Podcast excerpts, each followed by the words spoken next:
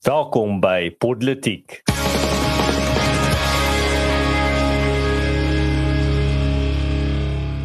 My naam is Arno Rood en saam met my in die ateljee het ons vir Erns van Sail en Paul Marits. En in vandag se episode krag ramptoestand, koalisies se slegte kant en biljoene na Engeland. Nou ja, Karos, lekker om weer saam julle te gesels. Ehm um, ons eerste storie vandag sien ek het letterlik 'n minuut terug ook op uh, Bloomberg verskyn. So politiek is hier vars met die nuus. Ons het dit wel voor Bloomberg al geweet want ons moes die episode voorberei. So ehm um, dis politiek, dis waar die vars nuus kry. Ja, erns dit klink vir my ons is net so pas uit die een ramptoestand uit. Nou wil ons er nog een intrek. Ehm um, ek ja, wat wat is jou mening hieroor? Yes, wel het uh, Paul as jy kyk na die ANC is uh, hulle ek dink een ding wat hulle wel goed doen is om 'n ramp uit te byt. Ehm uh, maar ek dink die enigste ramptoestand soos ek al vroeër op politiek gesê het is dat die ANC nog in beheer van Suid-Afrika is, maar nietemin ehm um, daar's nou baie sterk sprake vanaf die president se kantoor dat hulle wil 'n nuwe ramptoestand wat uh, die kragkrisis betref en spesifiek rondom Eskom verklaar. En uh, net miskien 'n bietjie agtergrond uh, vir diegene wat vergeet het wat 'n ramptoestand alles die die regering bemagtig. So 'n nasionale ramptoestand kan uh, Eskom tenders en die verkryging daarvan bespoedig en dit gaan baie van die uh, reëls uh, uh wat tot byvoorbeeld vertraag baie van die reëls en maatreëls wat tot vertraging lei by die uitvoer van besluite en ehm um, uh beleid en uh enige veranderinge by Eskom gaan dit uh opskort maar dit maak ook die deur oop vir korrupsie aangesien spesifiek julle daai woord tenders nou gehoor het wat uh definitief julle ore bietjie uh, laat spits het al klaar as julle die ANC ken. So ja, ek bedoel die soos ek sê die ANC is baie baie lief vir 'n uh, vir 'n ramptoestand en daar's goeie rede hoekom van hulle oogpunt af en dit is juis hierdie reëls wat ek nou van gepraat het wat al hierdie hekkies wat mens oor sou moes spring om 'n uh, befondsing te kry en veral deur tenders uh, raak nou verwyder met 'n ramptoestand en dit gee baie meer spasie en baie meer geleenthede vir uh, vir kaders om te skep. So wat is 'n beter wel met die met COVID het hulle die ramptoestand gehad wat sodra COVID nie meer 'n uh, krisis was nie toe moes hulle die ramptoestand lig. Maar die volgende stap is hoe kry jy 'n perme? As jy regtig hou van ramptoestande en jy soek weer eene en jy soek een wat lank hou hoe hoe kry jy 'n permanente ramptoestand? Waar jy verklaar 'n ramptoestand rondom 'n probleem wat jy nie kan oplos nie. So dit is juist wat ek dink die ANC hierso probeer en ek dink hulle is baie gretig en lekker hulle lippe af vir dit. Is definitief nie 'n besluit wat hulle baie versigtig en uh, baie gedagtes ingesit het voor hulle dit geneem het nie. Ek dink hulle is baie baie ehm um, uh baie uh, opgewonde om dit te doen. En ons sal nou sien. Ek dink dit is amper 'n versekerde feit nou al is dit nog nie verklaar nie. Ek dink ons kan nou maar praat asof dit klaar verklaar is. Ehm um, die enigste vraag nou is ehm um, wat se wat gaan die burgerlike samelewing en die oppositiepartye kan doen om 'n uh, eh, nuwe hekkies aan hulle pad te sit voor die voor die soustrein weer begin ry? Ja, dankie Erns. Ek stem 100% saam met jou en as mens dadelik kyk na die internasionale kommentaar, dan is wat mense moet besef is die ANC het hierdie triek uh jy weet in sy mou gehad. Hulle het hierdie kaart in hulle mou weggesteek, maar in 2020 het hulle vir ons gewys wat doen hulle as hulle 'n ramptoestand kry. Hierdie is die mense wat ons verbied het om warm hoender te eet dieselfde mense. Hierdie mense wat ons verbied het om sigarette te koop. Hierdie is die mense wat ons verbied het om plakkies in die winter te koop. OK? Hoekom? Want natuurlik 'n ramptoestand is wonderlik. Dis soos daai oomblik wat jou wat jou ma vir jou gesê het jy klein mas luister hierso, ouma kom kuier. So gewoonlik kan jy sekere goed doen, maar nou is daar bietjie bietjie meer reëls. Jy gaan nou mooi vir my luister. Daar's nou 'n situasie wat beteken ek kan meer dissipline op jou toepas. Ons albei verstaan dit en dis nie ek wil dit nie doen nie, ek moet dit doen. Jy weet so dis die tipe konteks wat hulle skep. Maar hoekom dis mos nou natuurlik 'n baie wonderlike tyd presies soos wat jy sê om te skep. Hoekom? Want 'n tender en in Suid-Afrika is die tenderwetgewing alreeds 'n probleem. Dit is kom as die beste voorbeeld daarvan, reg? Wat ons in hierdie probleem gesit het. Maar wat gebeur in 'n ramp? Jy kan sê wel Ehm um, gewoonlik vat dit 'n paar maande om 'n tender, jy weet, deur die kanale te vat. Nou ewe skielik, o nee, ons moet dit dadelik doen. So natuurlik, baie minder vrae word gevra en die bietjie oorsig wat daar is in 'n eenpartytjie staat word ook verminder. Uh so dit gaan oor geld, presies soos wat jy sê. Verder as dit, ehm um, dink ek eerlikwaar, dis net 'n baie maklike manier om nie die probleem aan te spreek nie. Hoekom is daar lande wat werklik waar nie die hulpbronne het wat Suid-Afrika het nie, wat hierdie goed kan regkry? Uh 'n land wat meer as 3000 sonskynure per jaar het, kan dit nie regkry om om mense se ligte aan te hou nie. Ehm um, dis verskriklik. In die middel van die somer wanneer jy tegnies geen probleem behoort te hê met verwarmers en goed wat die hele tyd aan is nie, waar jy baie meer sonligure per dag het. Ek meen aanvanklik was was beerdkrag net in die winter, jy weet vir 'n paar uur. Nou sit sommer permanent en hier het ons lank gepraat. Maar absoluut al wat hierdie hierdie ramptoestand gaan regkry is presies wat jy sê om nog mag vir die ANC te gee. Maar daai stok het twee kante of daai swaard het twee snykante. Wat is die ander kant van dit? Meer mag vir die ANC beteken minder besluitnemingsmag vir my en jou. Dit beteken minder besluitnemingsmag vir gemeenskappe. Met gemeenskappe bedoel ek skole se beheerliggame, private organisasies soos AfriForum en so aan wat se hande gewoon afgesny word. Ehm um, want daar's hierdie ramp, daar's hierdie krisis met 'n pandemie so sleg as wat die ANC dit hanteer het, um, en jy weet soveel as wat mense dalk probeer het, kon ons nie regtig die ANC blameer vir die virus wat in China ontstaan het op watter ook al manier nie, of uitgekom het nie. Die wat ons kan doen is ons kan sê beerdkrag is direk as gevolg van die ANC. Boom, ons kan daai streep trek. So, hoe maklik is dit om net 'n tendensie te begin jou die land konstant in 'n ramptoestand? Hoe maklik is dit? Enigiemand wat al die fliek wie vir Vendetta gekyk het, weet presies waar dit eindig en waar dit 'n gemeenskap heen vat. Ehm um, so ek ek dink dis dis reg dat die internasionale gemeenskap vra hier oor vra want die ANC is lankal nie meer ehm um, die die soet kind van die wêreld se internasionale verhoudings nie en almal weet presies wat dit beteken as hulle self hulle ramptoestand verklaar. Ja, ek dink buitendien die die feit dat hulle eers die ramptoestand as 'n meganisme sien om hierdie op te los, is al reeds vir my 'n enorme probleem. Ek dink dit ontbloot totaal en al die feit dat julle al soos julle albei reg uitgewys het dat hierdie gaan oor 'n geleentheid vir hulle om te skep.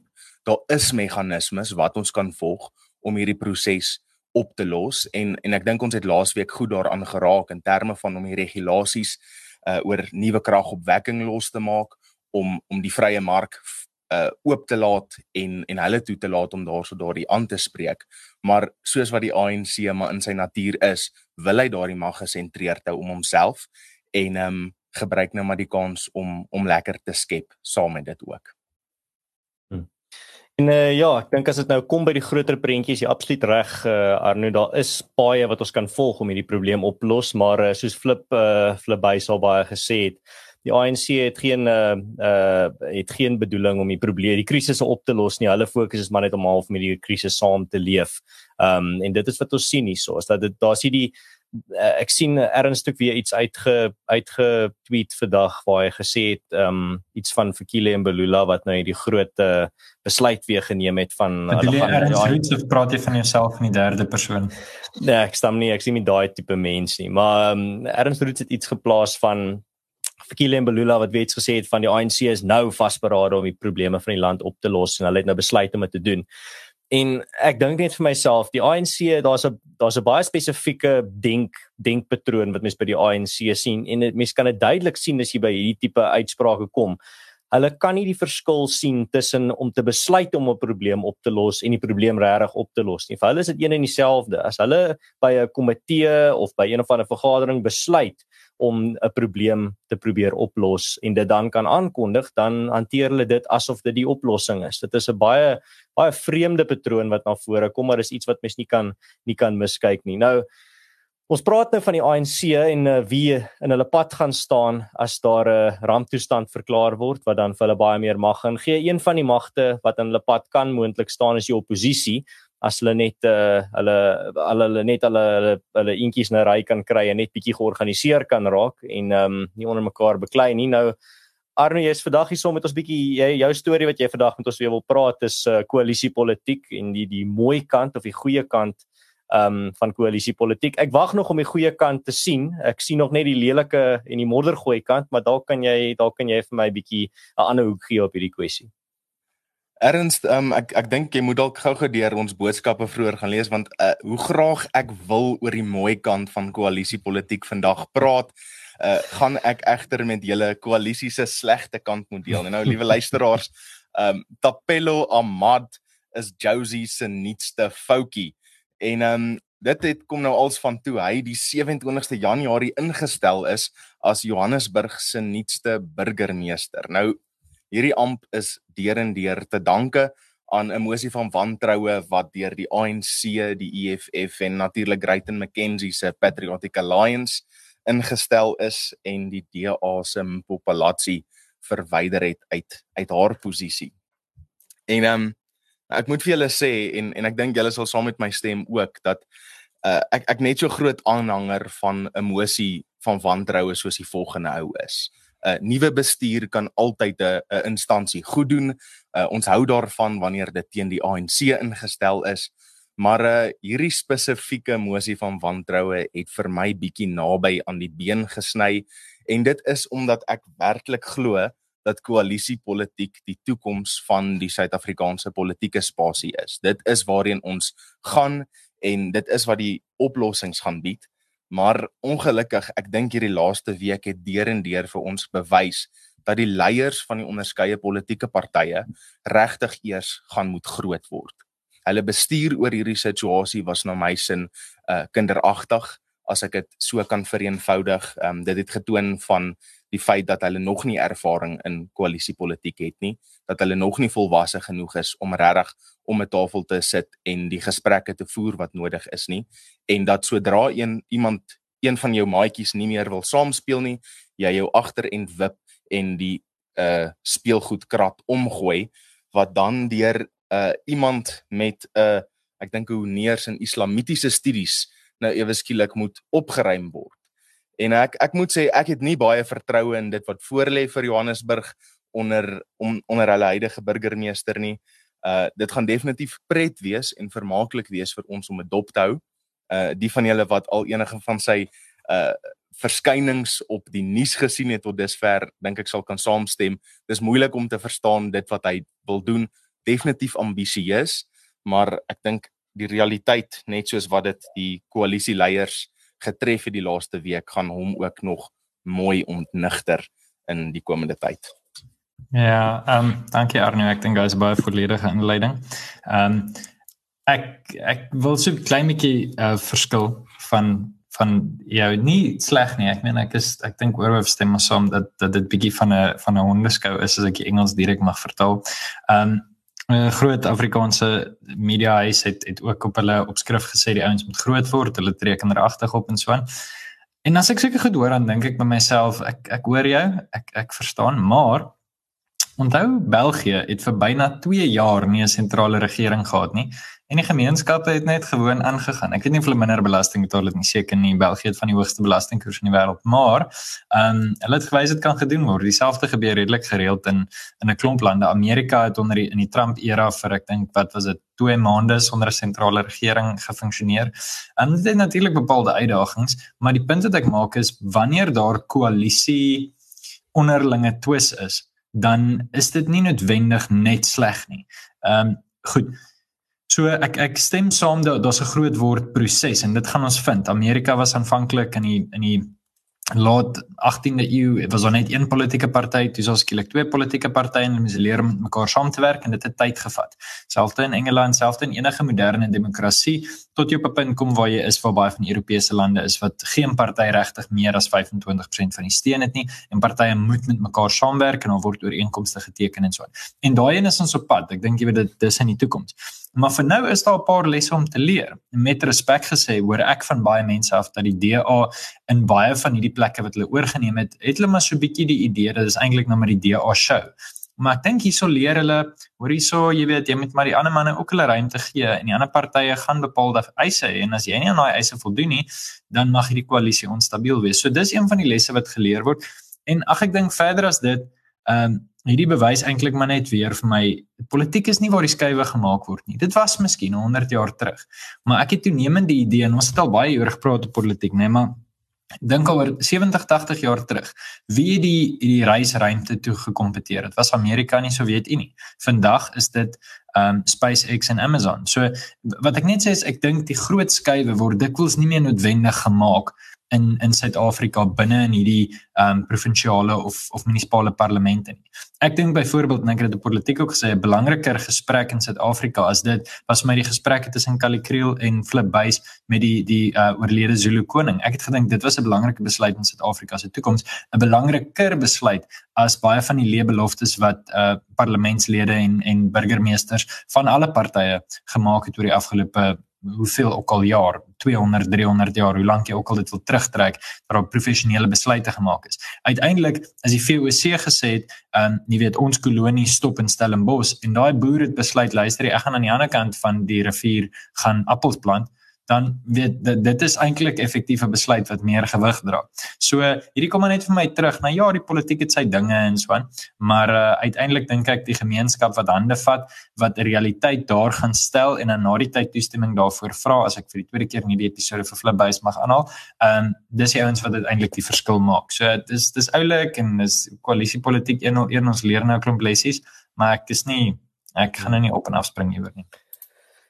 Ja, ek wou eintlik daarbey aansluit. Ehm um, julle het nou mooi die die uh, partytetiek en koalisiepolitieke landskap opgesom, maar ek dink ek wil oor 'n groter fenomeen praat wat ek dink wat ons nou deur die geskiedenis gesien het en dit is mense nie net in Suid-Afrika nie, nie net Afrikaners nie, nie net Suid-Afrikaners nie, regoor veral die westerse wêreld het by 'n punt gekom waar hulle glo jou enigste verantwoordelikheid wat jy het teenoor jou samelewing en jou gemeenskap is om 'n kruisie op 'n stuk papier een keer elke 2 jaar of elke 4 jaar te gaan maak. En dan het jy nou jou groot opoffering gemaak, jy het jou groot moeite gedoen, jy het in 'n vir 15 minute in 'n ry gaan staan, jy het selfs uh, R30 se petrol, dis teen daai uh, teen hierdie tyd seker al R100 se petrol ge, uh, gebruik om NG Kerk toe te ry en vinnig daar te gaan teken uh jou jou klein kruisie en nou het jy dit jou gedoen vir die samelewing en nou laat jy jou lot en jou toekoms oor aan 'n klomp ouens wat op mekaar skree en beklei soos kinders soos wat ons nou vroeër gesê het.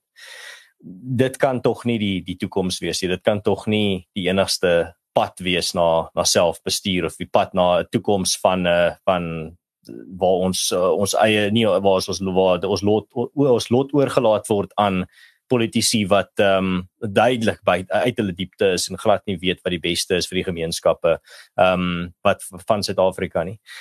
En die ding is dan gaan daar 'n kopskuif, daar moet 'n kopskuif kom. Van hy hopelik is hierdie koalisiepolitiek ehm um, genoeg om bietjie mense te ontnigter, genoeg om vir hulle te wys die absolute sirkus wat die politiek is en veral nou koalisiepolitiek. Jy kan deur die geskiedenis gaan kyk, jy kan deur die wêreld tans gaan kyk. Koalisiepolitiek is nie 'n uh, nie 'n aangename ding om te aanskou nie. Dit is eintlik nogal iets lagwekkend om te aanskou. Jy daar gaan nog vreemde goed in ons politiek gebeur. Dit kan in ons partytetiek, dit kan ek vir julle verseker. Ehm um, maar terselfdertyd dit is nou tyd waar ons dan as daai ontnigtering plaasvind is wanneer die kopskuif moet gebeur waar ons as ons gemeenskappe gaan moet besluit gaan ons regtig ons lot en ons toekoms oorlaat aan hierdie klomp narre of gaan ons self ek die ekstra myl loop, die ekstra uur insit, die ekstra bietjie moeite en tyd insit om 'n toekoms te bou en vir ons vir ons gemeenskap um 'n toekoms te verseker. En wanneer gaan ons besef dat dit is nie genoeg om net een klein kruisie op 'n stukkie papier te gaan maak en dan het jy jou deel gedoen nie. Dit is dit ek wil nie sê dis die minste wat jy kan doen nie. Dit is nie iets wat op die skaal van betrokkenheid en opoffering uh hoef te uh kan verskyn nie. Ehm um, so dit is ek dink die kopskuif wat ons gaan sien organies na vore kom soos wat die koalisie politiek sirkus aanhou. En ehm um, ek verwelkom dit. Ek verwelkom die gas. Ek hoop die koalisie politiek maak hulle name absoluut 'n uh, 'n uh, krater in die volgende paar maande en volgende jaar want ek kan nie enige ander uitkoms sien nie, so dan kan dit net sowel absoluut lagwekkend wees sodat mense bietjie wakker skrik kyk erns ek ek gaan net so gelukkig saam met jou ook wees as daai kopskuif gaan gebeur. Uh, ek wil sien hoe gemeenskappe sterk word. Ek wil sien hoe hulle eienaarskap vat oor hulle omgewing.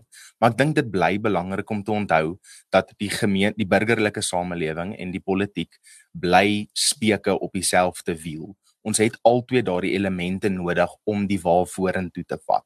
As ons hmm. nie daardie twee gaan hê wat mekaar gaan uh uitdaag en mekaar gaan gaan voortstuur nie, dan gaan ons wiel of gaan ons waarskeef langs die pad lê. En ek dink wat hierdie wel vir my wys uit hierdie hele sirkus wat ons gesien het, is hoe twee klein partye um baie snaakse en anderse benaderings tot hierdie situasie vat. Ons kry aan die een kant iemand soos die Patriotic Alliance wat absoluut 'n hondeskou daarvan maak. Uh wat wat dislojaal teenoor hulle mede-koalisielede is en wat uh te kere gaan. En dan kry jy ook 'n kleiner party soos die VF+ wat werklik moeite doen in terme van om 'n balanseer gewig binne in koalisiepolitiek te wees. En wat ek hoop hierdie les gaan leer gaan nie net die kopskyf wees nie maar ook hooplik bietjie inspirasie vorentoe in koalisiepolitiek dat ons minder PA's gaan kry en en dalk so 'n bietjie meer VF plusse in die manier waarop ons koalisiepolitiek gaan bestuur. Hmm. Ja, as jou as jou uh belangstelling partytetiek nie net in die Suid-Afrikaanse konteks nie, maar oor die algemeen is, gaan jy 'n uh, eerste klas kaartjie om bietjie dit te sien hier reg voor jou in Suid-Afrika ontvou. So ek, ek sien definitief baie daarna uit. Dit is iets wat vir my baie interessant is. Ehm um, en ja, nee, is absoluut reg Arno. Dit is nog steeds dit het 'n impak op ons samelewing. Dit het 'n invloed op ons lewens en op ons gemeenskappe. Dit is nie net iets wat daar in afsondering gebeur nie. Baie besluite word daar geneem in daai wêreld wat gaan uh, deur uh, gaan deurlek tot in ons sinne en uh, dit is 'n dit is 'n belangrike punt wat jy daarmee afsluit. Maar nou gepraat van uh, wat in Suid-Afrika aangaan, Paul, ons hou daarvan om jou politiek bietjie uh, ons oog oor die see ook te gooi en hierdie keer gooi ons dit na 'n klein uh, modderige eilandjie toe daar op die op die kus van van Europa, maar terselfdertyd is daar tog 'n verbintenis met in vandag se storie met Suid-Afrika en wat kan jy vir ons meer vertel van daai verbintenis?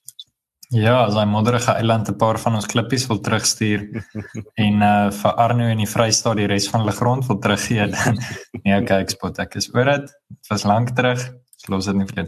Okay, Karel, so ehm um, hierdie is 'n storie wat ons vandag van gehoor het. Klink my dis lankal op pad, maar nou omdat daar heel moontlik 'n uh, bietjie van 'n skommeling in die kabinet kom, ehm um, is nou 'n bietjie vorentoe gedruk. Die Suid-Afrikaanse Toerisme um Departement vir Toerisme het voorgestel dat hulle 'n 42,5 miljoen pond of bykans met vandag se wisselkoers 900 miljoen rand um ooreenkoms met die Engelse Premier Liga span Tottenham Hotspur uh wil hê. En uh so dit beteken ons gaan daai bedrag aan hulle betaal en dan gaan ons erns op hulle klere drag wat hulle dra iets sê oor Suid-Afrika toerisme. Vir die van julle wat wonder hoe dit lyk, gaan kyk gerus na Arsenal waar Rwanda ehm um, visit Rwanda as 'n bemarking het en ek dink Atletico Madrid het op 'n stadium iets soortgelyk gehad van Thailand of so. So dis nie dis nie 'n vreemde verskynsel nie dit al gebeur. Nou ja, ehm um, President Ramaphosa is, is besig om oor hierdie ding te gesels en dinge is aan die gang en so en so. Ehm um, dis dis die die punt wat ek daar wil net die konteks. Daar's nie baie meer konteks as dit nodig nie. Die van julle wat enigiets van enigiets weet Tottenham Hotspur is 'n baie groot klub in die noorde van Londen en ehm um, hulle het baie ondersteuners en hulle het 'n gro groot groei traject in Engeland en Frankryk se kapteine speel vir hulle. So dis 'n dis 'n groot storie hierdie. En ek dink baie mense sal argumenteer ook getroue politieke ondersteuners maar hierdie is 'n goeie belegging want ons wil hê die hele wêreld wat hierdie na hierdie ding kyk moet na Suid-Afrika toe kom want toerisme is een van ons groot bronne van inkomste nou dat 'n klomp ander goed soos ehm um, produksie wat ons nie meer noodwendig voor is nie. Goudproduksie dis meer nou dat hierdie goed sukkel, wil ons toerisme natuurlik vorentoe laat gaan. En ek hoor dit en jy's jy's jy mag gerus daai mening hê. Ek dink ook toerisme is belangrik. Maar wat ek myself vra is, dink jy die gemiddelde Engelsman of Amerikaner of Duitser of wie ook al is dom genoeg om nie te Google wat gaan nou in Suid-Afrika aan nie? Dis vraag 1. Vraag 2 is indien die persoon dom genoeg is om nie te Google nie Dink jy regtig hulle gaan na 'n land toe gaan waar die hotel se ligversorging nie eens aan is nie? Waar die selfoontorings nie aan is nie? Dink jy regtig hulle gaan na 'n land toe gaan waar motorkapings veral van van duur motors, die tipiese motor wat jy sal huur wanneer jy 'n toerist is, waar daai motors gesteel en gekaap word? Dink jy regtig toerisme se probleem is dat mense nie weet ons het leeu's en olifante nie? Ek sou sê die groter probleem is gewoon die feit dat dit onveilig is. En die oomblik wat dit veilig is en wat die ligte skyn en wat die hotel kan bekostig om ehm um, jy weet net gewoon vir jou algemene dienste te gee soos om hulle swembad warm te maak en die oomblik wat daar nie ramptoestande uitgeroep word vir simpel goed nie dan sal toeriste kom. Hulle het nog altyd. Toerisme in Suid-Afrika sal vir 200 jaar 'n ding. Gaan lees nie 1820s wat die Engelse in hulle koerante geskryf. Dis 'n heerlike plek om vakansie te hou. Almal weet dit. Niemand wonder daaroor nie. So hoekom ek dit sê is ek dink dit mag dalk miskien meer sinvol wees om daai geld te vat, nê, en te belê in Kusile dat hy uiteindelik werk of te ek weet nie belê dit in diesel of iets. Gee dit vir Andre de Ruyter dat hy in sy laaste ek weet nie of hy nou vandag amptelik klaar. Skenk dit vir Afriforum vir ons kragstasie. Gee dit vir Afriforum of vir Andre Pinaar of vir iemand. Gee dit vir ek weet nie, gee dit vir Hurterspies om mense te vervolg. Doen net hierdie is nie ons het nie hierdie ek ja, dis mense kom nie Suid-Afrika toe nie, nie omdat hulle nie weet van ons nie. Almal weet van ons. Die mense wat nou geld het om te gaan wêreldwye vakansies hou, was op skool toe president Mandela vrygelaat is. Hulle weet van ons, ek beloof. Ehm um, so dis dis wat ek daaroor dink en ek ek laat julle graag uh, ek hoor graag. Ja, Paul, ek wil ek wil ook nou gesê het uh, gee daai geld eerder vir uh belê dit eerder in besighede, maar jy kan iets baie beter doen wat vir jou baie meer as daai hoeveelheid geld gaan genereer vir jou ekonomie en dit is net om eenvoudig regulasies te sny. Moet dit nie so onmoontlik maak om 'n besigheid te begin in Suid-Afrika nie. Dis nog nie eens gepraat van gee vir besighede 'n uh, 'n uh, betroubare krag toevoer nie. Dit is 'n hele kwessie anders op sy eie. Tweedens, wel ek sal eerste prioriteit sê ek jou saam. Eerste prioriteit moet wees om kragtroevoer, die kragkrisis op te los. Tweedens, maak dit makliker vir besighede om oop te maak. Vat sny baie van die regulasies. Moenie vir hulle vol belasting toegooi nie. Moenie vir hulle toegooi in rooi lint en pap, wat hulle wat hulle moet uh, deurspring en deur deur hoepe uh, hoepels wat hulle moet spring en klim nie. Maak dit maklik vir die gewone ou om 'n besigheid te begin in Suid-Afrika, 'n klein besigheid en moenie hom versmoor in belasting nie.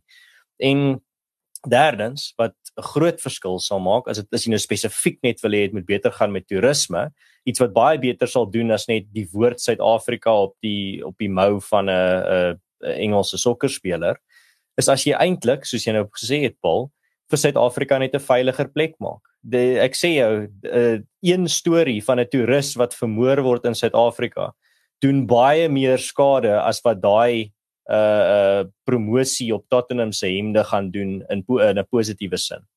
Een storie van 'n uh, uh, toerist wat uh, toeriste wat beroof word in Kaapstad of Johannesburg of Pretoria doen baie meer gaan doen baie meer negatiewe skade aan die toerismebedryf as wat enige so promosie 'n uh, positiewe effek op dit gaan hê. So dit is absoluut waar die regering se prioriteite moet wees, maar natuurlik is dit nie daar nie want hulle dink nie realisties nie. Hulle dink net aan die enigste manier wat die ANC weet hoe om probleme op te los is om 'n klomp geld nie eens in die rigting van die probleem te gooi nie, in 'n hele ander rigting te gooi en te maak asof hulle dit in die rigting van die probleem gooi en dit in 'n swart gat te gooi en te sê hulle is besig om dit in die probleem se rigting te stuur.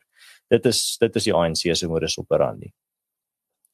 Ja, ernstig, ek dink jy slaan die spyker op die kop daar in die laaste oomblik nou en ek ek dink dit is nog altyd so in die ANC iets wat wat vir my baie interessant is, is hoe hulle aan die een kant so absoluut 'n derde wêreldse regering kan wees maar dat hulle mal is om met eerste wêreldse speelgoed te speel. En hierdie voel vir my nou presies so so 'n geval. Om vir die Tottenham Tottenham Hotspurs 'n borg te wees is iets wat eerder vir banke of vir Bitcoin maatskappye gelaat moet word. Maar kom ons hou ons derde wêreldse geldjies binne in ons derde wêreldse uh banke en ons probeer ons derde wêreldse paaie regmaak en uh, ek dink dit gaan soos julle tereg uitwys definitief 'n groter voordeel vir ons as as burgerlikes en vir die toeriste sektor wees um, as om 'n uh, 'n oulike prentjie op 'n sokkertry te hê. Hmm. Dankie Arne. Net 'n laaste gedagte vir my af ook. Ek ek vra myself wie gaan baat hierdeur? Wie gaan geld maak as Suid-Afrika toeriste kry? En my my kop sê vir my dit gaan die Sun International groep wees of uh, Togo Sun wat hulle hulle self ook teestaan noem. Dit gaan heel moontlik ehm um, agentskappe soos kar agentskappe wees, lugrederye. Laat hulle bemark. Ehm um, jy weet laat hulle Togo Sun of wat ook al Togo Sun laat hulle bemarking doen op Tottenham Hotspur se treë want dit is die waar die kapitaal is. Maar om belastinggeld te vat ek dink nie ek ek is redelik seker ons kan beter goed met hierdie geld doen. Wat van ons maak net die helfte van die skole klaar wat hulle soveel vir ons beloof het 5 jaar terug ehm um, dit sal klaar beter idee wees. Wat van ons maak die rewildpype wat deur ons kinders se skole loop nee jy weet ek weet nie. Ek weet uh, president Ramaphosa kyk elke week politiek en hy wonder seker by homself gaan hierdie ouens praat nou oor sokker vir 5 jaar en nou gooi ek jy weet vir hulle ietsie oor sokker en nou is hulle ook ongelukkig daar. So dis reg om Cyril ons is jammer. Ons sal ons, ons sorry not sorry. Dit jy weet ek dis wonderlik dat jy weet my kennis oor die absolute onnodige kennis my kop oor sokker in Engeland nou gebruik kan word vir ietsie maar dis nog steeds mendig hoe ek dink dit relevant sou gewees het nie so ja uh, ek dink ek gaan daar stop hmm. Reg so julle in uh, Flight Flight of Stories uit vir vandag soos Johannesburg se termyn met 'n burgemeester wat glo in monogamie is hierdie episode ook vir eers verby. As jy hou van wat ons doen, teken gerus in op politiek. Ons nooi jou as luisteraar ook uit om self 'n bietjie te ontnonsens deur die gesprek voor te sit in die kommentaarafdeling of op ons Telegram kanaal waar jy sal ook sien as ons regstreeks gaan. Ons gaan teken in op ons Telegram kanaal. Daar's 'n skakel in die beskrywing en uh, ja, deel ook hierdie skakel met al jou vriende en familie. Totsiens.